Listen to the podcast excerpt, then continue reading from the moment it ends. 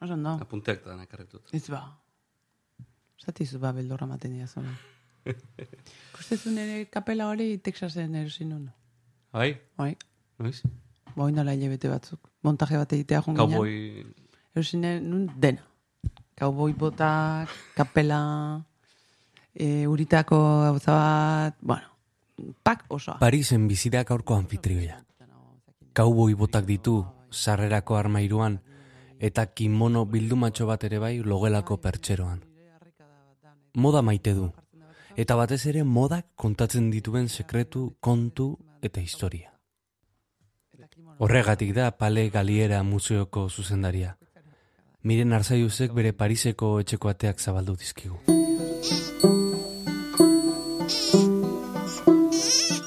Orokorrean ez dira garai ederrak, eh, politikarako orokorrean, nazioartean, gure etxean, inonez. Baina, bueno, ez du, esperantzara nola esaten zuen ba... Kon, kondenatua. kondenatuak. Bai. Barruan gabe.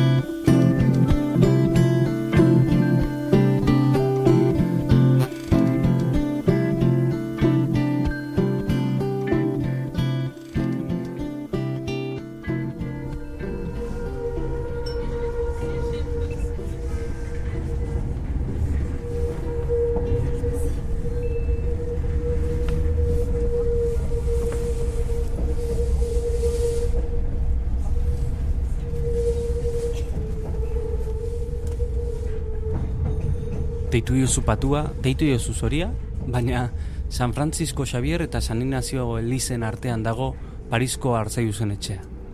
Txinako enbaixada haundima haundiaren albo batera. Segurazki, iriko gune zelatatuenetariko batean.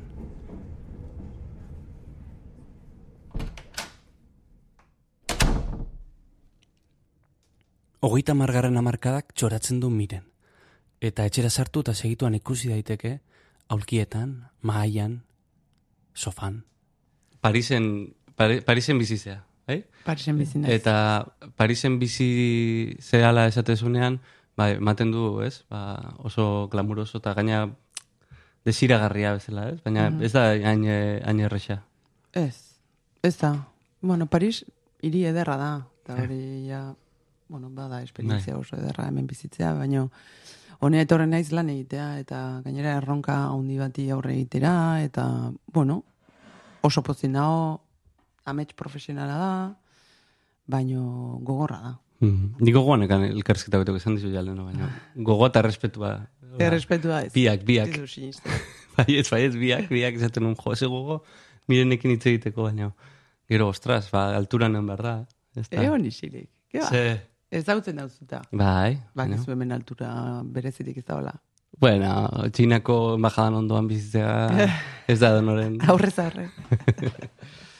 Ez, baina, esan nahi dute, Parisa etorri eta, eta komentatu izan diazu hori lehenengo urteneko gorra, ez? Bai, bueno, intensoa lan asko behar izan dut, tokian kokatu, irian kokatu, bizitza, bueno, ba, zure bizitza moldatu, eta, ba, bueno, aldaketa intensoak izaten dira, orduan, bueno, gogorrak eta ederrak, ederrak bezain gogorrak izaten dira momentu hauek, eta orduan, ba, bueno, ba, No- Nola iritsi zitzaizun e, pale galieran laniteko...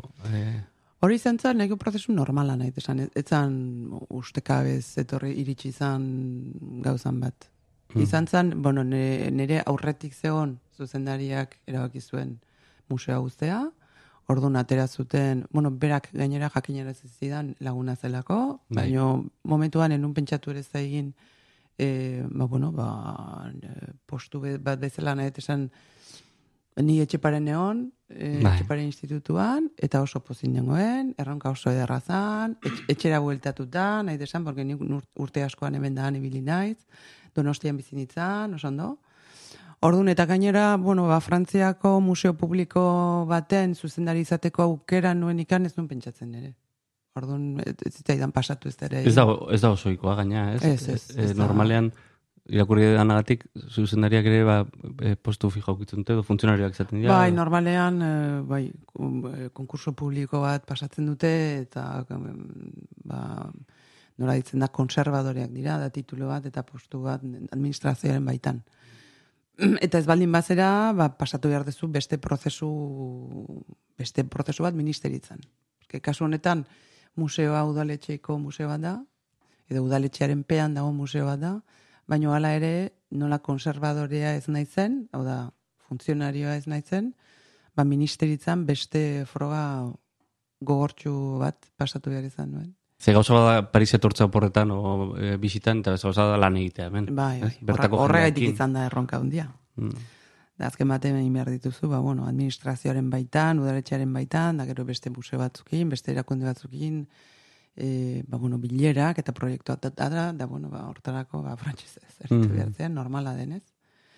Baina bai, baina hori izan da, beste erronka bat urte honetan, mm, ba, frantzizan menperatzea. Ematen du anekdotikoa, baina Ja. agian izan da gogorrena. Bai, Agian bai, izan hizkuntza gogorrena. dominatu Maila bai. baten, e, ba, bueno, ba, adie- ez- nahi dezuna adierazteko kapaz izatea Bai. ematen du anekdotikoa, baina ez da. Ez da, ez da, gaina hizkuntza bat, ez? Ez unen, ez palin badezu menperatzen, Bai. e, e, hizkuntza hortan naizenean tentel itxura eman dezakezu, ez? Bai, Osea, bada gauza bat, sentitzen duzu, alde batetik sentitzen duzu, bueno, zara vulnerable, eta bestetik an oso simple.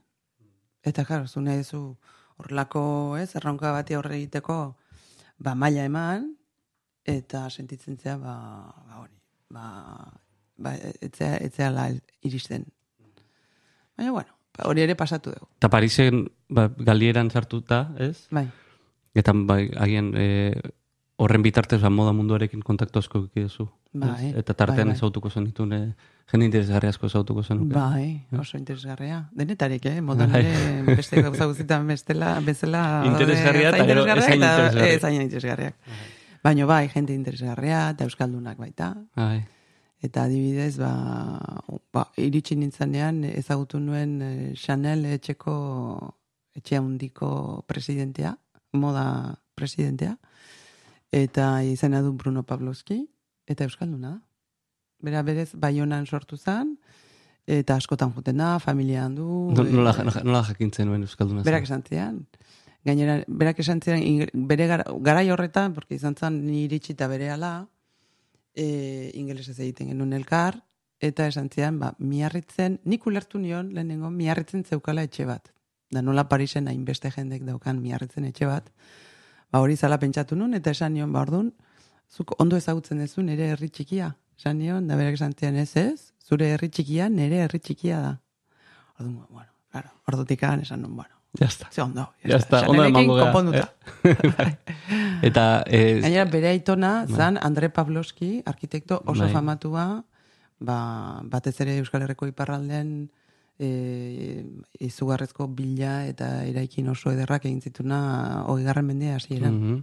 E, jutar jatorrekoa, ez? E, Bai. bai. Eta e, endaiara esko, o biarritzera eskondua. Baionara iritsi zan eta han eskondu zan, bai, Mhm. Euskaldun batekin. Mhm. Eta beira, ba, gaur bere... Ko- Konexioa. Hoi da. Ordutik badakazu ja. Ederra da, ederra Ba, da. Niretzat oso, oso momentu ederra izan. Gainera Bai. nola iritsi berri nintzen, da justu ba, ba bueno, guretzat oso, gure museoaren oso importantea da, sanelekin daukagun harremana, asko laguntzen digutelako, e, ba, bueno, gure proiektu, renovazio proiektuan, eta obran, eta bueno, ba, ba, oso momentu garrantzitsua izan zen. Eta ara, ba, Euskaldun batekin egiten den topo, ba, bueno, polita izan zen. Polita izan zen. Eta, e, bueno, ni ez jakin bat naiz, ez? Moda, modaren munduan, ez dakat idearik. E, Eta beharrezkoa. aurre juzkuak, baina ez ditut edukiko segurazki, ez?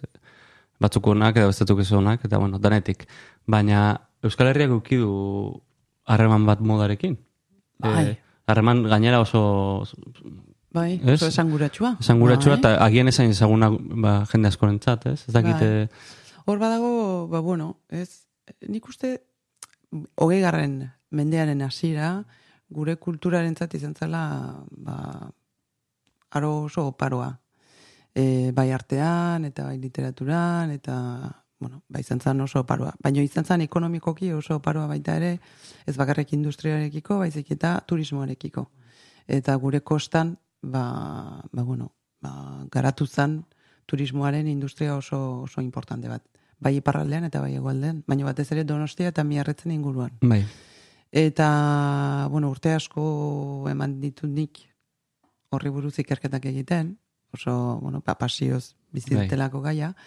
Eta batez ere donostietan miarretzen zeon moda, ba bueno, moda mugimendu oso oso oso esanguratsua eta potentea. Eta zeuden Parisko adibidez, Parisko etxe nagusiak, garaikoak, moda eta goi joskintza ditzen den hori, e, etxe nagusiek zeuzkaten edo bai dendak, edo tailerrak, edo erakusten zituzen urtero behaien bildumak Parisen egiten zuten bezala Donostian eta miarretzen. Mhm. Orduan, ba, bueno, hor ba, Bai. mikrokosmos, zea, moda mikrokosmos oso berezi bat sortzen zen, eta ba, ba, horregatik hain zuzen ere, Balentziaga bezalako sortzaileak sortu ziren momentu momentu horretan, ez? Ka- Kazetari bat irakurtzen nion, segurazki kazetariek bakarrik egin, dezaketen moduan, azalduta, miren hartzaiu zela el, el que ma, la que más sabe de Valenciaga en la faz de la tierra. Euskal. Horrela, horrela. eh, Bilbotarra zan, ez dakit, ez dakit. Ez uste. Ez dut uste. uste, ez, ez, Baina, espainola izango zen. gai, Jakin behar. nor, nortzan Valentziaga. zan gizon euskaldun bat, e, izugarrizko pasioa zeukana kasu honetan e, mo, osea, moda maite zuen beste guztien gainetik, bere ama eta moda. Eta eta dedikatu zion bere bizitza. Eta euskaldun bat bezala bizitzan Parisen. Eta esan, bueno, euskaldun, ez zen nahi klisetan Bai. erortzea, baino baino bueno, baze, nik irakurtzen ditut adibidez bere garaian egiten ziren kronikak Valentziagari buruz. Eta urte askotan pentsatzen zuten Valentziaga etzela existitzen, e, izena etzela benetazkoa, batzuk esaten zuten ue, emakumea etezan, e, etzelako agertzen tokitan, etzelako sozializatzen, etzelako beste pertsona batzuekin harremanetan izaten. Eta, bueno, bera bizizan, ba, bere lagun gutxiekin, bere lanera dedikatuta, eta, eta izugarrezko errespetua zioten. Mhm. Bere integridadeagatik, eta bere, bueno, zan oso, oso tipo ko, koherentea. Mhm. Nundik iritsi, iritsi zen miren hartzaiuz modara? modara? Eh, Habira, bai, hau askotan esaten diate, porque normalean ni bezalako jendeak du oso historio ederra, ez? Ba, nire amonak erakutsi zidan, ez da zer, ba, ni, nik ez. Naite esan, guk etxean, ba ez, naite esan ez egun moda bizi izan bereziki. E, aitak esaten zidan, bueno, amonak egiten zuen, jos, e, jos, e, josi egiten zuen, Bai. da, bueno, ondo josten zuen, da, modista zen, da, handikan etorreko zaizu, baina nik amonakin ez harremanik izan. Orduan, izan zen, batez ere intelektualagoa. E, Londresen nengoela, ni no, no, politika, nazioarteko politika nenbilen, Bai. Londresera horretako jo nintzen, ikastera, eta lan egitera, eta nazioarteko Bai. politikan aritu nintzen.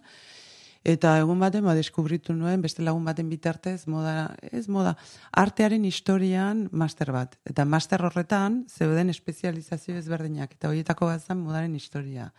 Eta hasi nintzen, ba, edukiak begiratzen, eta gaia begiratzen, eta, bueno, batxun dituta gelditu nintzen, da izan zen, Esango izut, Berehalako- eh, eh, esango izut eh, nola jazten naizen da, zuk esango dizu nolakoa naizen. Hori egin dezakezu jendea... be- ez be- hain garbia, nahi esan, Nei impresionatu zian pila bat, eh, kuadro, bat datatzea eh, ah, eh, janskerari Claro, erreparatu. Bai, bai.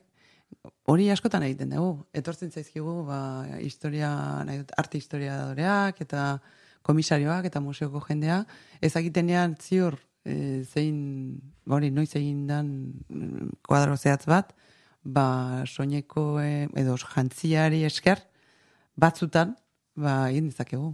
Bai, bai, bai. Asmatu dezakezute. Bai, bai, bai, bai, bai, asmatu dezakegu. Baita nahiko, bai, Osea, nahiko ziurtasun, zera, zehaztasun handikin. Eta gaur egun hori, eh, norbait jantzen den moduarekin asmatu daiteke eh, Batzutan bai, baina ez hain, nahi dut esan, ezin dugu hain besteko simplifikatu ez da ere. Ez. Jendeak bere izaera edo bere identidadea era askotara erakusten du, eta ez bakarrik jantzen duenaren bai. e, bitartez, ez? Baina, bueno, orokorrean esan dezakegu. Baina jende askok erabiltzen du jantzkera edo jantzia adibidez izkutatzeko. Eta kasu horretan, e, ez dakizu, ez da justu kontrakoa da. Ez da bere izaeraren isladapena, baizik eta kontrakoa, despistatu egin nahi zaitu, eta hori askotan gertatzen da. Orduan, bueno, ba, neurri baten bai, baino ez beti. Komplexuagoa da hori baino. mhm. Baino oso, oso interesgarria dela dudarik gabe. Nola bizituzu e, gaur egungo garaiak, garai bizkor hauek, e, dana horren bizkor konsumitzen dugun garaiok, e, zarean e, konektatuta bizi garen garaiok, nola, Bai. nola bizitu mirenek? eh? Ba, nahiko, ez triste, baino angustiakin, eta esan, ez zait naturala iruditzen e, orain dara magun ritmoa. Ezertarako ez, ez zait iruditzen ona denikan. Ez no- norberarentzat eta ez da ezarrentzat ez da ere. Ez e, gizarterantzat ez da ere. Baina, bueno, ez ematen horrek e, ez dakit beste erritmo bat hartuko duenikan, ez du ematen. Eta gehiagora goazela ematen du, teknologiak lagunduta, batez ere. Nik zintxazio daukat, be, bueno, belaunaldi bat dagola, ez, e, agian zurea edo gurea edo hortartean, zubi lana egiten, e, zubi lana egitea tokatu zaiona, ez? Bai. Alegia, gure gurasoen garaia, ba, garaia analogikoa, zan, ez? Mm. Eta guri tokatu zaigu, e, aro digitalera zubilana egin, eta eta eziketa hori, ez? Mm. Eta gure txikia ja aro digitalean buru belarri bizi dira. Ez, ez dute ezagutzen analogikoa, Ez, ez, ez, eta ez dute ezagutuko. Ez, ez, ez. Eta hori da aldaketa nahiko nabar- nabarmena, Bai, ez? Baina ikusi beharko dugu aldaketa horrek zer eragina duen mm, e, nahi esan mentalidadean. Edo, mund, edo munduari nola behiratzen dioten, zer eragin duen horrek ez. Oaindik ez dakigu. Nik, Eta artean, nik eta, eta, dauzkat, eta danean, eh? Txikia dira oaindikan, baina Bai. Mundua beste era batera ikusiko dute, edo sentituko dute, edo behaiek beste era batera kokatuko dira. Ez, eta e, eragina duka hori ar- artean ere bai, eta gaur egun, e, bueno, adierazpide berriak sortuko dira hortik, Ah. derrigorrez, teknologiak beti baldintzatu bai. du. Eta gero, e, lehen aipatzen genuna, Baldintzatu edo lagundu, nahi esan. baina segurazki ho- hogei garren mendean edo emeretzi garren mendean janskera ikusita baita ere asmatuko zenuke italiarra den ala, ala Batzutan bai. ez? Bai, ongo dira bai. zantzu batzuk. Bai, bai, bai. bai. Baina gaur egun ere, Gaur egun- ez da, ja, ez. globalizazio honekin, e, Topatzen dira beti daude nabardurak. Beti daude nabardurak. Eta kulturakoitzak topatzen du bere modua gauzak moldatzeko. E, ematen du momentuan oso zaila izaten da. Nabardura horiek ikustea, baino perspektiba historikoakin ikusten dira. Adibidez, beira, gizonezko modan, beti esan izan da, emeretzi garren mendeak, mendean, emezortzi garren mendean, gizonezko eta emakumezko moda oso antzekoa zen. bai. Nahi esan, apaindura ba, oso nabarmena zen bientan. Eta Bai. biek eramaten zituzten takoiak eta makillajea eta pelukak eta horrela gauzak. Hori simplifikatzeko, eh? Baina, eta beti esan izan da, emeretzi garren mendean, ba, bueno, e, reulu- e, iraultza industrialarekin, eta, bueno, e, burgesiaren ba, etorrerakin edo emergentziakin, ez dakit nola esan, gizonezkoek uko egin ziotela modari. Eta uniformatu egin ziela, emeretzi garren mendean. Eta hori horrela izan da, egia da, baina jende asko pentsatu izan du, ba, emeretzi garren mendetik hone arte, ja, ez dauka inbesteko interesik gizonezkoen modak, ez dauka bilakara berezirik, ez dauka evoluzio berezirik, eta ez, ez dugu zertan e, ikasi edo, edo, edo, ez dakit, ikusi behar, edo Bai, ikertu behar. bai. Baino ez. Gero, bere, i- izugarrizko nabardurak daude, e, tokiz toki, e, amarkadatik amarkadara, eta gizonezkoak topatu dute, edo aurkitu dute modua, bai, bere, beraien izaerara moldatzeko, edo, edo beraien egoera moldatzeko, edo beraien nahietara moldatzeko. E, e, zera, uniformidade horren baitan. Mhm. Politika da beste pasio bat zuretzako. Bai, Uka ezina, gaina. bai. E, Hortaz ez nik asko publikoki hitz egiten, baina zuk badakizu baiet, zurekin asko hitz egiten dut. ba, bueno, nik ere ez dut eh, publikoki esan dezagun bueno, bi gustatzen zaigu politika, ez? Mm. Biok eh, jarraitzen dugu politika, pika frekia gea politika munduan, ez? Hori, baina Iñaki Larrañaga lagun, kazetari lagunakin ebernia gertatzen zait, ez? E, gustatzen zaigu politika eta politikaren inguruko berria jarraitzea, komentatzea, sasi e, adituaren egitea, ez? Baina, e, baina zuri gertu tokatu zaizu, Bai. ez? Eta, eta eraman dezu zurekin, Bai. ez? Bai. Horren jarraitzen zu politika? Nola, nola jarraitzen zu aktualidadea, Paristik? Poristik nik Euskadi Irratia eta EITB ikusten ditut, eh, ez egunero, baino ja. Bai. Orduan, ba, bueno, eta, bueno, sare sozialak, eta Twitterra, eta Instagrama, eta guzti horiek erabiltzen ditut, beraz, bueno. Eta zu zeure bai baina, behin behin edo behin. Baina hori bai egunero. Hori bai dutela egunero. Bai, bai, bai, da saiatzen naiz, behar detelako, ez da saiatzen naizela esfortzu bat egiten detelako, ni behar det. Segun, segun kari bai, segun kari Segun kari irakurtzen. ditu da, ba, aldeten guztia, baino batez ere, ba, deia, Bai, berria, gara, horiek irakurtzen ditut, Mm. eta, bueno, ba, eta gai Bai. bat, ah, bai, nazioarteko politika eta jarraitzeko, ba, beste, beste medio batzuk jarraitzen Mm. ditu, baita ere ez, nazioartekoak, uh, Financial Times, The Economist, edo horrelako Mm. gauzak, asko gustatzen zaizkit, ordutik, bueno, oaina ez, baino, Eh, Podcastak entzut dituzu? ba, jo, ez hainbeste, bera, Ez. ez hainbeste, ez hainbeste, oain bai, Mm. hau, Hau. hau, hau, Claro. hau bai, Jo, ez, que- ez, eh, asko galetzen nahi naiz hori, eh? baina eh, nik deskurritutelako estatuatuetan da, dagoen eh, oain eh, sukar hori podcastena, eta oso interesantia Ba, ditu zait. Baina, hain zuzen ere, e, oain dela hilabete, ez da bilabete, oiru hilabete, egin nik kapitulo bat, egin zeten elkarrezketa bat podcast baterako, amerikanoa. Hala? Estatu batetan sortua, modaren historiari buruz. Ostras. Eta hori da, entzuten hasi lehenengo Eta, eta, podcasta. eta nola izan du podcastak? Uh, dress History. Ba, Jarriko dugu oharretan. Dress History. Eta dago kapitulo bat Valentziari dedikatuan, nik Ah, nerekin egin zutena.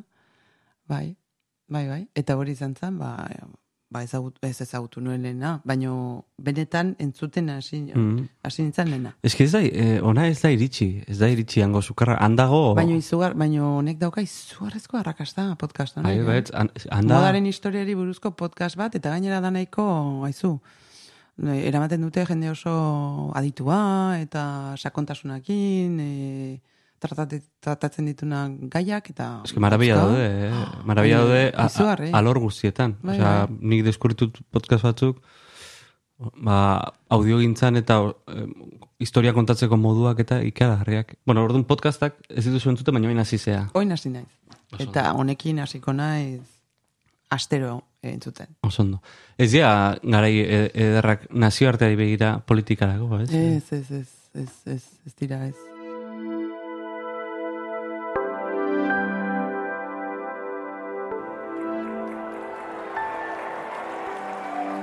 Face à l'extrémisme. Je sais nos désaccords, je les respecterai, mais je serai fidèle à cet engagement pris. Je protégerai. The economy is roaring.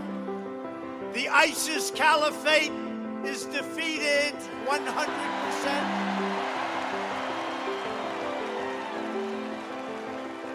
And after three years of lies and smears and slander, the Russia hoax is finally dead. Vox no es un partido, Vox es un movimiento patriótico. Sí, movimiento patriótico de salvación, y también digo de salvación, de salvación de la unidad nacional amenazada por los separatistas y de la libertad amenazada por los progres desde hace décadas.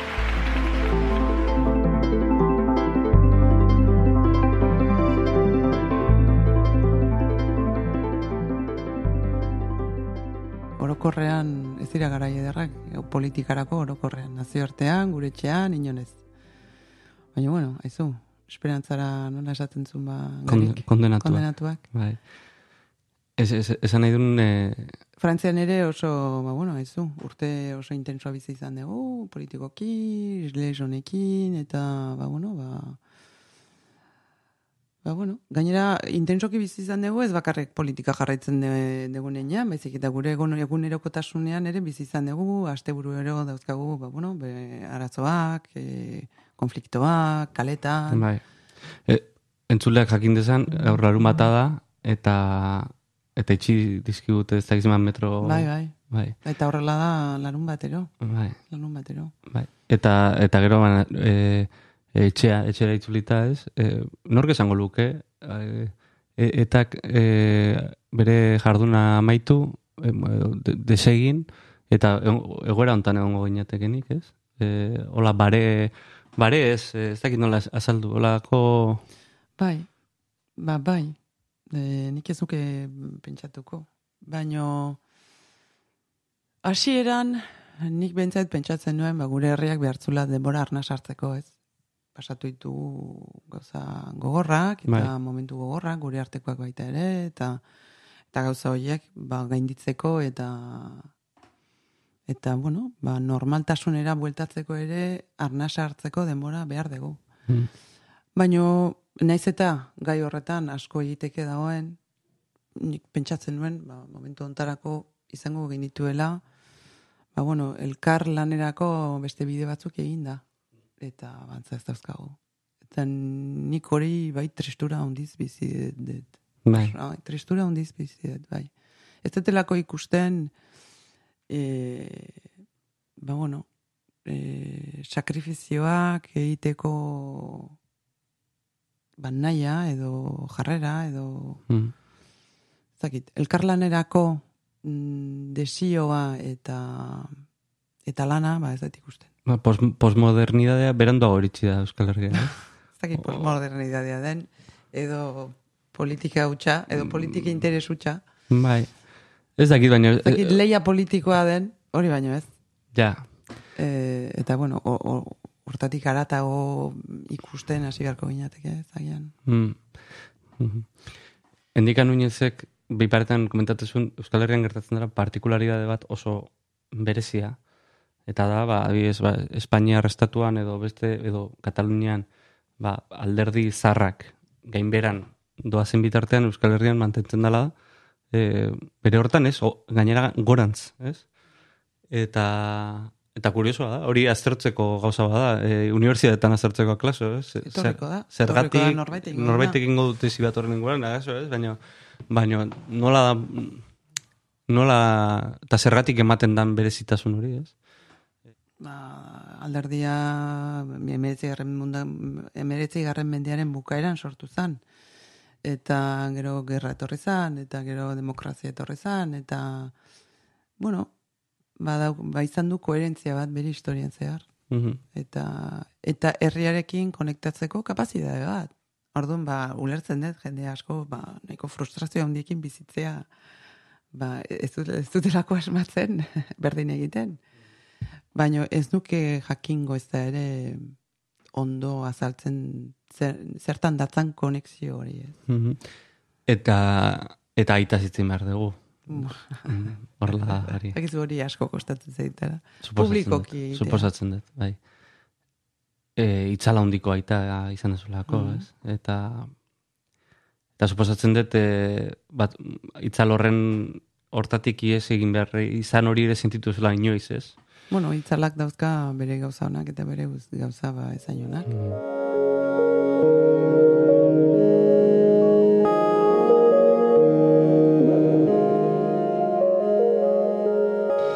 Política es el arte de afrontar los problemas desde el punto de vista de los intereses de unos y otros sectores de la sociedad. Y eso es lo que intentamos hacer. Nosotros somos vascos, solo vascos, nacionalistas vascos. Miramos básicamente a Euskadi y no es que no nos interesen otras cosas.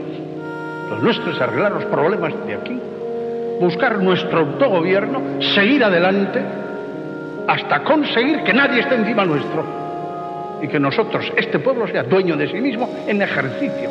Pacte con el que tenga que pactar, esté con quien tenga que estar en Europa o fuera de Europa, según su conveniencia y sobre todo su voluntad. Este es nuestro trabajo, en cada momento.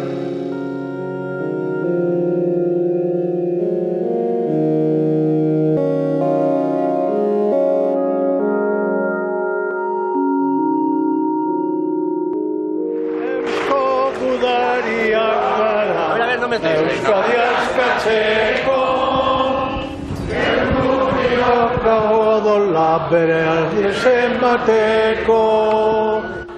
Euskadi askatuta!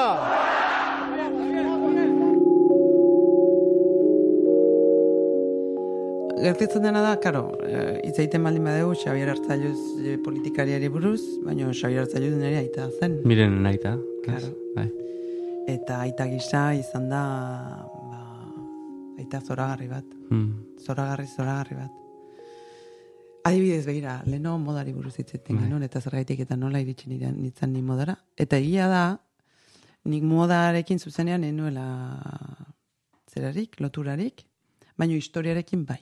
Eta guri aitak ba, eman zigun edo pasatu zigun edo ba, historiarekiko pasio hori ez. Eta txikitatik izan dut.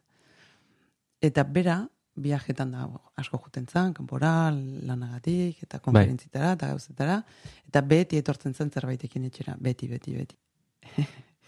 Neri, be, be askotan juten zen museotara, asko gustatu zitzaion. Orduan, ekartzen zitzaion beti, ba, adibidez, ez dakit zer bitxi Egip, Egiptiarraren e, reprodukzio bat. Bai. E, Londreseko British Museumen erosita.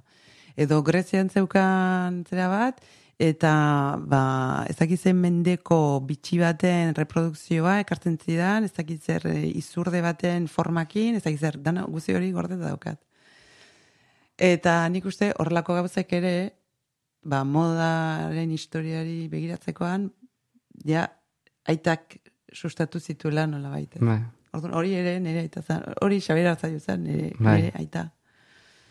Eta bestea da, ba, politikaria. Personajea, ez? Claro, politikaria, jendeak, jendeak ez du, ez zuen on, jendeak ez ezagutzen. Mm. E, benetan, egiten gainera berak altzen, e, berak altzun guztia egiten zuen babesteko. Eta bere benetazko izaera ez erakusteko. Ez dakit, ez dakit nola, nola hitz egin berari buruz. Ja, honi gertu dago gainera, Bai. ez, gertu daukagu. Bai. Bai, galera handia izan da. Eta abertzale gisa, eta ez bakarrek e, alaba gisa, ba, niretzat inspirazio bat izan da, eta referente bat izan da, eta izaten jarraituko du. Claro, nik gero pertsona gisa oso ondo ezagutzen nuen, Mm. eta horrek asko laguntzen du, nahi esan, nik badakit berak zein, zein aurreko konpromisoa zeukan herriakin, eta zer eman zion herriari. Eta zein integredadeekin eta zintzotasunakin jokatu zuen beti. Eta zein, eta zenbait hartu zuen bere gain Mm. hori aurrera emateko. Eta, bueno, ba, aizu, ez da, ez da bizte arresa izan. Eta, bueno, ba, hori batzutan, seguraski jendeak ez du beti ikusten, eta gero, ba, bueno, ba, klasifikatu egiten dute, eta, eta egia esan, orain idatzi izan diran artikuluen artean, ba, batzuk, ba, a ber, Espainian idatzi dienak, Mm. Niri bostasola, benetan. Gainera, nahiko ia arrotasunez bizitzen ditut horrelako e, erreakzioak, zeren esan nahi du naiz eta aitak, oain dala ezakitzen bat urteia retiratu zen, oraindik zerbait ordezkatzen zuen. Hau da, ez da bera pertsonaren kontrako atakeak dira, ezin zutelako, hau da, berak zerbait gehiago ordezkatzen zuten eta eta ideia hor hori atakatzen dute, ez, ez pertsona. Orduan hori arrotasunez bizi dut. Gero etxekoak ja, en fin. Hori beste gauza da. Bai. Aro aldaketa zitzen dugu, eh, aro aldaketa mm, zentzu eh, soziologiko baten igual, baita politiko baten, eta eh, zure aita bezalako politikariak gutxi gelitzen dira, espadia, gelitzen balin badia, ez? Esan nahi dute, bada, bada joe, aita zan animali politiko bat, ez? Bai. Eta gainera ordezkatzen du ez bakarrikan e, ba, sektore bat edo ez bakarrik e, Euskal Herriaren ikuspu, ikuspegi bat ordezkatzen du baita ere politikai ulertzeko modu bat, ez? Mhm. Gaur egun ez dana ez dana ez dana inarrexa topatzen, ez? Mhm. Olako Mhm. ez? Politika zainetan daraman jendea. E, Gertatzen dena da politika oso gogorra da. Oso gogorra. Eta nolabaiteko rol bat hartzea os, ordonetako gorragoa da. Nahi izan, de, ba, bueno, politikoki, nola esaten da, ba, politikoki korrektoak ez diren gauzak esatea, behin eta berriro, eta aurre egitea, eta gauzak sorbaldetan eramatea, hau da, kalkulo personala ez egitea, hori da zailena. Hori da zailena. Eta gainera gaur, ba, sare sozialekin, eta, ba, bueno, gure e, zera, era digital honetan, nik uste are gogorragoa dela. Nik konturatzen naiz orain ez, baserio sozialak eta twitterrak eta eta pentsatzen dut eskerrak, eskerrak, ni alaba gisa, eskerrak aita aktibo zegoenean, hau ez zela existitzen. Porque hau gainean eramatea, ja, titularrak, ja, pisutxuak zean, ba, pentsatu Twitterrak eta eta zeak eta Bai. sare sozialak eta Ba, Hor, gaitasuna behar da baita ere desenfokatzeko. bai, hombre, nik uste berak berdin berdin eramako lukela, baino nik ez. Mm, Nik ez. bai, Nik alaba gisa seguraski ez nukela, bai. osea, okerrago eramango lukela. Interesatzen zait baita be alde hori, ez? E, badakite ambito pribatua da, ez? Baina baina politikariaren zuk ezagutuzu beste ikuspu, ikuspegi bat oso jende gutxik ezagutzen duena, ez? Mhm. Eta da, baina personajea kanpoan gelditzen denean, ez? Mhm. Hori adibidez, e, ba, azkenengo pelikula egiten, e, bueno, azkenengo, lehenengo pelikula egiten, nik ere hori beste esparru baten, baina antzeko zerbait bilatzen duen, ez? Kontatzea, normalean musikari baten gandik ezagutzen ez teguna, ez? Ez dana ikusten e, zenatokietan, ez dana ikusten jendeari, jendaurrean, ez? Baina hor da ona. ez? Izebergaren, izebergarekin konparatzen genuen, ez? Azkenen guk ikusten dugu punta, baina gero danok bizi behar ditugu goita lau ordu, ez? Mhm. Zureitak ere bai. E, e, nolakoa da e, e, ba, olako e, politikari baten bizitza? Bueno, nik uste eta berak esan izan zuen, ez askotan, berari ere zitzaiolako gustatzen, bere bizitza pribatuari buruz hitzeitea, baino, baino familia izan da bere oinarririk eta sendoena. Eta hori esan izan du, gutxi baino esan izan du. Eta esa- esan izan du, e, politikara dedikatzen baldin batzea, zure bizkarra ez baldin badakazu eta familiari buruz hitz egiten, e, lasai eta ondo, e, ezin dezu. Ezin dezu. Eta hori zan, oinarria gure etxean familia zan. Eta gainera berak asko babesten zuen. Gutxitan ikusiko zu baita bere familiari buruz hitz egiten. Mm. Eta asko, asko, asko babesten zuen familia. Eta, eta ez bakarrik gu ere babesten gintuen politikatik. E, aita etxera iristen zenean ama, amak ere, nahi desan, gure etxean kompromiso politikoa ez aitaren bakarrik izan. Biena izan da. Ama, amaren papelare oso garrantzitsua. Biena izan da, eta oso, oso, nahi desan, amarena ere oso, oso garrantzitsua izan da. Eta gainera berak askotan kontatzen zuen aitak, eh? E, behin e, Juana Juriagarrak eta Luis Maria Retolazak proposatu ziotenean ba, iruro eta maika izango zen, e, alderdira dedikatzea, da, alderdirako lan egitea, ja, ez zuen, iruro eta maika uste, e, ezkon berri zeon, ama eta aita, ezkon berri zeuden, eta, eta, eta erantzun zien, nik ezin dizuet horrelako erantzun bat eman nire emazteakin konsultatu gabe, eta, eta las egin eta amak esan zion baietz. Eta arasa izan zen, da gero, eh, Juanek eta Luis Marik esan zien, uh, hori izan zenuenean, pentsatzen genuen, pff, hau ez dugu berriro ikusten. Porque antza askotan gertatzen zen. Bai. Orduan, bueno, kompromisoa ez da bakarrik berarena, denena da. Ah, gero pisua berak eramaten zuen hori argi dago. Baina guk adibidez, e, ni gero ezagutu izan ditut. Nahi desan, momenturik eta gogorranak bere bizitza politikoan, nik moment pasatzen zirenean nik ez nituen bizi. Mhm. Eta ez nahi nire nahietan ere aizparen izenean itzei nahi, baina mm. beraiek egiten zuten, altzuten dena guk hori sentitzeko, edo estresik ez ikusteko, edo eta eta oain gogora oain konturatzen naiz, ez? E, alderdiaren historia edo edo herriaren historia ezagututa zein momentu latzak pasatu zituzten eta zein gutxi e, guk e, sentitu genuen. Hori egiten ere jakin behar da, eh? Dudari gabe, dudari gabe. Orduan, ba, bueno, nire gurasoak, mm, pentsatzen, bueno, nire ustez oso ondo egin dute, da asko babestu gaituzte, guzti horrengatik. Gero, soka ere etortzen da, porque gero, babes horretatik ateratzen zeanean, badaude realidade batzuk, zuk bakarrik bizi behar dituzunak, ez? Eta, bueno, hori ere, ba, pasatu dugu.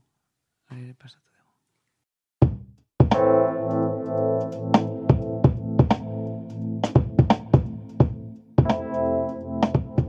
Zuzeu podcast.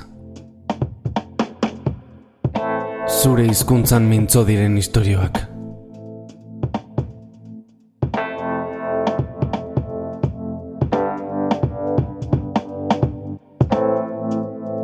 Ez dago debaluatuta politika gaur egun ja. Osea, debaluatu esanet ikus ar, badoka konotazio txar bat ere, badirudi politika inork ez du e, bere burua politikotzat, ez? E, edo ez du nahi, ez? Ni enaiz politikoa, ez? Bai. Edo e, esaten danean e, e, pues, ez da politika donostia da, adibidez, ez? Hor dago, baina karga negatiba hor dago. Bai. Politika, gauza negatiba bezala Bai, bai. planteatzea, eta ez, Nik ez dut horrela bizi. Argi dago, ez? Politika beharrezkoa da, eta politika denean dago, ez dago bakarrik eh, esan, politika deitzen dugun horretan. Politika enpresa munduan dago, e, sindikatuetan dago, gure egunerokotasunean politika edonon dago. Baina, eh, eta egongo da, ezin, da, ezin dalako hori gabe bizi. Ja. Osa, da harreman sozialetan eta gizarte baten ematen harremanetan, har, ba, hori dana gorpuzten duen zerbait da, ez? Mm, Esentziala hori gabe ez, ez dago... Ez, baina ni, a ber, ni ase- nik ulertzen dut jendearen aserrea, ulertzen dut politikarekiko eta politikariekiko, nik ulertzen dut, ulertzen dut gehiagikeriak, ba, gehiagikeriak dirala, eta ezin zaiola bestera batera deitu. Baina hipokresia puntu bat ere somatzen dio jendeari. E, a ber, nor den, nor dagoen prest, horrelako prezio bat ordaintzeko, horrelako konpromesu bat hartzeko, e, e, publikoki zure burua, e, ba bueno, ba, e, adirazteko, e, oso vulne- vulnerablea zera, eta ed- edo nork esaten du, esan dezake edo zer gauza, zuri buruz, eta gaina jende askok sinistuko du. Bai. Eta gainera medioek izugarrizko e, ez, bazutan medioak ere ez dute lan oso e, zintzu egiten, ez da ere, orduan, oso, oso mundu horra da, eta gero gustatuko litzaidaken niri jende guztiak pasatzea integridadearen e, prueba dela algodon hori, eh? Bo- Boterean zaudenean, gustatuko litzaidake ikustea jendeak nola Mm. exigentzi moral hori bakoitzak pasatuko luke pro, froga hori. Orduan, karo, nik beste aldea ezagutu izan dudanez, eta oaindikan ere lagun asko ditut politikan mm, diardutenak, eta, ba- eta ondo ezagutzen ditudanak, eta izugarrizko konpromesuakin bizi dienak, eta ez da erresa. Horrela, horrelako, zakit, horrela, alako, ez, era harinean hitz egitea politikariei buruz, ba, niri pixka mina ematen dit. Mina ematen dit. Hori ez da oso, oso kula esatea hori. E, Oen kula eta guaia da ba, politikarien kontra eta politika kuestionatzea eta politika. Eta modu berre, politika egiteko modu berriak, eta guzti hori, hori da oain modan dauna, ez? Baino, gauza batzutan moda ez da, ez da, ez da, ez da ere, ez, konbenigarriena. Eta, a ber, miren, itzul gaitezen Parisea. A ber, Paris, bai. Paris eta orain. Eh? Paris. Eh, Paris eta moda, eta orain. ah, bai. Laizter eh, irikiko ez, eh, bueno, Bai. oendikan ez dago data zehatzik, baina Bai, printzipioz urte honen bukaeran edo urren urtearen hasieran irekiko dugu. mm, Bai. eta eh, zerbait prestatu zuen. Eh, Bueno, prestatzen ari gea eta oraindik ezin dugu esan. Pena, pena. Baina esaten dugu, kon, konbentatuko dizut, Bai, al bezain pronto, oso ondo, baina irekiko dugu erakusketa temporala handi batekin. un dia. Oso handia eta oso ederra. Baina oraindik ezin dut esan zeri buruz izango den.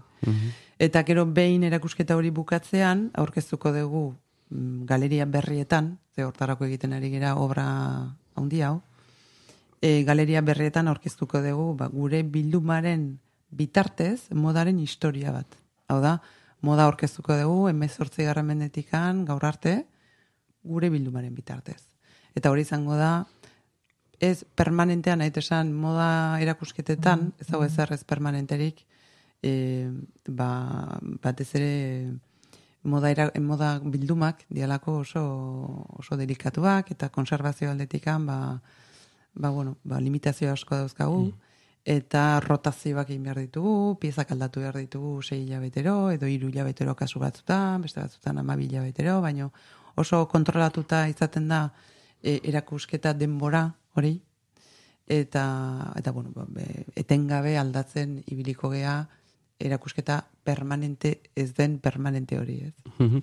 Eta en, ba, Euskaldun batentzat ez, animatuko dana etortzera, zer topatuko du galieran? E, Ba, museo, ba, ber, Parisko musik ederrena. baina, e, esan nahi dut, moda museoan nolakoa da? Nola, nola e, bizi, nola man bizitza e, e, ba, janskere, janskerei, e, Moda eta hori da niri gustatzen zaidana modari buruz da ba, alderdi askotatik bere, begiratu dezakegula. Hau da, modari buruz itzein dezakezu, eta moda eta emakumei buruz, edo, edo emakumeen historiari buruz, edo moda eta politika, edo moda eta soziologia, edo moda eta psikologia. E, adibidez orain prestatzen ari gera eta nola museoa itxita dagoen, beste museo baten antolatuko dugu, hau da guk ekoizten dugu, baino beste museo baten e, erakutsiko dugu, Museo Bordelen, eta da e, modaren bizkarra. Hau da, moda bizkarrez ikusita. Eta, eta da baita ere erakusketa e, historiko bat, mezortzi garra mendean hasten da, eta gaur arte, eta e, soineko guztiak ikusiko ditugu bizkarretik. Eta bizkarrari buruz hitz egitekoan egin dezakezu, ba, bueno, ba, e, azalpen estetiko bat, nola sortzaileek bizkarra erabili duten ba, espresio ezakit, e, toki gisa, edo badauka komponenti psikologiko oso importante bat baita, ez, bai, ez, bizkarra, eta nola bizi dugun gure bizkarra, eta nola ze percepzio dugun biz, gure ez bizkarrarena. dugu ikusten. Ez dugu sekule ikusten, ez vulnerable gauden. Bueno, ba, oso interesgarria da, moda zein era ezberdinetan irakurri edo azaldu dezakezun. Eta hori egiteko asmoa daukagu. Orduan, modaren historia kontatzea, ez da bakarrik siluetaren evoluzioa esplikatzea, baizik eta hor, ba, alderdi, eh, ezakit, bilakara teknikoa, eh, Materialak. E, Claro, teknikoki bai. egin dezakezu, estetiko artistikoki ere hitz egin dezakezu, politikoki, soziologikoki ere egin dezakezu. Hori oso interesantea da. Ordu, horregaitik mm, bizi dut nik pasioz moda. Ez e, zarjantziko e, dudanak e, asko preocupatzen dagoelako, Mhm. baizik eta, edo bai, baita ere, Bai. baino ez bakarrik horregaitikan. Nik arazoa dakat jantzeko erekin. Ez dut, be- nire amak borroka botatzen zian, e, ba, gaizki kombinatzen ditulako gauzak edo, edo zua manten nahi ziolako nire erropa batzu. Baina orain ere, ba, ez, ez dakit ez dut asmatzen. Beti aiz zaizkit Ah. zuzentzen. Beti, No, ados. Ez dator bat. No, ni bosta jola dit, eh? Eta igual hori da nire, nire Hoi da, baino... footprinta. Hoi da. Ez que, e, bosta jola dit esaten dezunean, erabaki bat hartzen dezu. Net esan, Bueno, bosta jola dit, baina gero, eh, a ber... Eh, baino ez. baino Ni ez. Seu naiz ez ez. Ba, egia esango dizut, oain inoiz, oain inoiz baino gehiago bosta jola dit, baina egia da... Bueno, ba, badaude bai- baita ere momentuak, E- egia da bosta jola horretan, bakoitzaren- bosta jola horretan ez du kentzen, ba, ispilura behiratzen nahi zendik, eta ez du da nik behiratzen aber galtza batzuk ondo dauzkadan, batez ere komodo, eta, eta ondo dauzkan, ala ez, baina... Baina guk egunero gure e, irudiari buruz pentsatzen ditugun, baino erabaki gehiago hartzen ditugu. Baina ez gara konstienteak. Tu esnatzen zeago izen eta jantzi bertzea. Erabakiak hartzen dituzu. Eta erabaki horiek arrazoi batzuen hartzen dituzu. Ezan, bosta jola zait, edo ez, Bai, bai. baino, nahi esan, Bai. Gaur adibidez, galtza... Eh, oier txandalean txa- etorri zait. Bai, Etxera. txandal, tra, tra, trapero bat bezala Ni ere ez dago oso elegante gaur, eh. Bai. baina bueno. Trap musika entzutezu? Zein musika? Trap musika. Ez, ez da? Ez. Aukendu behar duzu, porque... Ez, ez, lako, et. Eh, Zer da trap musika? Hain modan dago, ez dakit, nik ez den zuten, eh? Ideik ez. Ez den zuten, baina... Ez dakit- ez zer den. Ba, da, hola, ba, ez dut bakizu zer dan, bakizu zer dan. Igual entzuten badet. Bakizu zer dan, oain dago super modan, mundu guztian jarri da modan, ez dakit. Nik ez- uste zu, nik moda moda Ez dut- guztiak ez ditu Ez jarri. dut entzu- ez nik ez entzuten, eh? Osa, iritsi zait, ba, mundu guztian dago legako sonatzen, eh? Baina... E, zetan gana eta jendea dana, ez dakit. Oso millennial da hori, da, Claro, jendea dago. ah, eske zartzen ari naiz, bakizu. Bai. Hori, sekula. Ze musika entzutezu? Ze musika jo, ba, denetarik, egia esan nik, egia esan, ez daukat izugarrizko musika ezagutza. Nahi esan, ba, nire pasioak eta beste toki bat, batzutik jondi izan dira beti. Mm. E, musika pasioz bizi dut, baino ezagutza hondik gabe. Mm. Eta, ba, ze musika entzuten, dut, denetarik, denetarik. Hoi nago fase oso country baten. Nola nago lehen esan dizuan bezala? Lehen esan dizuan bezala, nago obsesionatuta rollo countryakin, eta Bai. cowboyekin, eta estetika ze Bai. amerikanoakin beti izan naiz. Eta musika ere asko gustatzen zait. Eta orain nago fase baten Dolly Parton bakarrik entzutetera. Ze Osea, ondo. ikusten moda, moda, nik denian moda ez da jarraitzen. Eta irakurri... Horregatik jarri nintzen horrela rubia, Dolly Parton bezala. Ya está. Eta irakurri, irakurri zu liburu bat azken Jo, liburu. egia esan, eh, niri fikzioa irakurtzea asko kostatzen zait. Hmm. Hori da, historia dere guztien, bazakit, tara. Hmm. Eta, eta fikzioa ez eta apenas ira- irakurtzen. Orduan, historia liburuak, ba, dauzkat pila, hemen gutxi batzu dauzkat, gehienak aita tamaren etxean utzita dauzkat, eta gero bulegoan beste hainbat, baino gehienak historia, historia liburuak dira. Ez bakarrek moda historia liburuak, baino orokorrean historia liburuak. Et politika baita ere, baino gutxio. Honetan historia e, hori Bai, batez arnazten duzu. Bai. Bai. Nire eskurtze historia baita. Bai. Eta, Gero pena ematen dit, eh? Ze fikzioa, bueno, ba, gauza izugarri interesgarriak eta aberasgarriak daude irakurtzeko, ez? Baino, ezu, bakoitza badauzka bere, bere ahuldadeak. bai, bai. Egingo izu galdera bat amaitzeko. Galdera txar bat. A ber, Os txar bat, da. Eta da...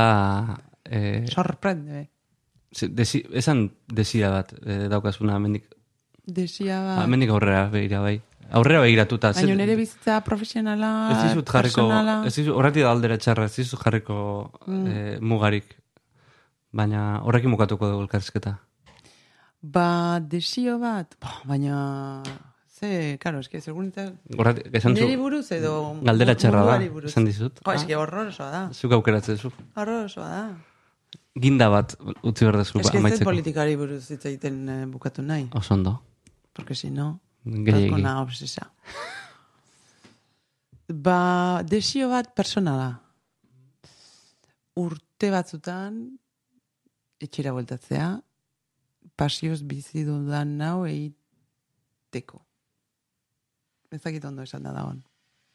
Etxera bueltatzea pasio duzun eh, zerbait egiteko. Ez, uh, ez dakit nola esan. Ez dakit nola esan. Etxera bueltatu nahi dut hori bai. Bai. Fal- Faltan daukat. Mm. Eta sartzen ari naiz eta somatzen dut eta ber, benetan esate dizut, eh? Sartzen ari naiz eren gero eta gehiago behar dut Mhm. e, etxean egotea. Herri mina gero eta hundiagoa da. Etxea da Bilbo. Ba, ba, busta sola, eh? Etxea da Euskal Herria. e, etxea da Euskal Herria. Niri Bilbon, Donostian, Bai. miarritzen bizitzea, igual Mm. zait. Igual zait. Gainera, behin kanpoan bizi izan zarenean, etxeko distantziak ez dira distantziak. Dena da, gu- gure herri txikia hiri bat da. Hiri handi bat. Orduan, a ber, nire desioa da etxera bueltatzea. Baina nola nire lana haindan importantea eta nire pasio profesionala eta intelektuala akademikoa haindan importante niretzat gustatuko litzaidake kapaz izatea etxera bueltatzea hori egiten. Era batera edo bestera pasio hori ba bueno, ba gauzatzeko kapaza izaten. Mm. Orduan dena nahi dut. bueno, Eskerrik asko, mire. eskarrik asko zuri. Plazerra izan da. Niretzate bai, hemen e, e, txinatarrek mikrofono hori ez bai dute jarri. Nik uste txinatarrak daukatela ja, zera, eskan, e, aurpegi, nire aurpegiaren eskan. Ezagutuko zaituzte. Bai. Bai, badakiten hortzean. Hemen ni eta nire, etxe honetako guztiak.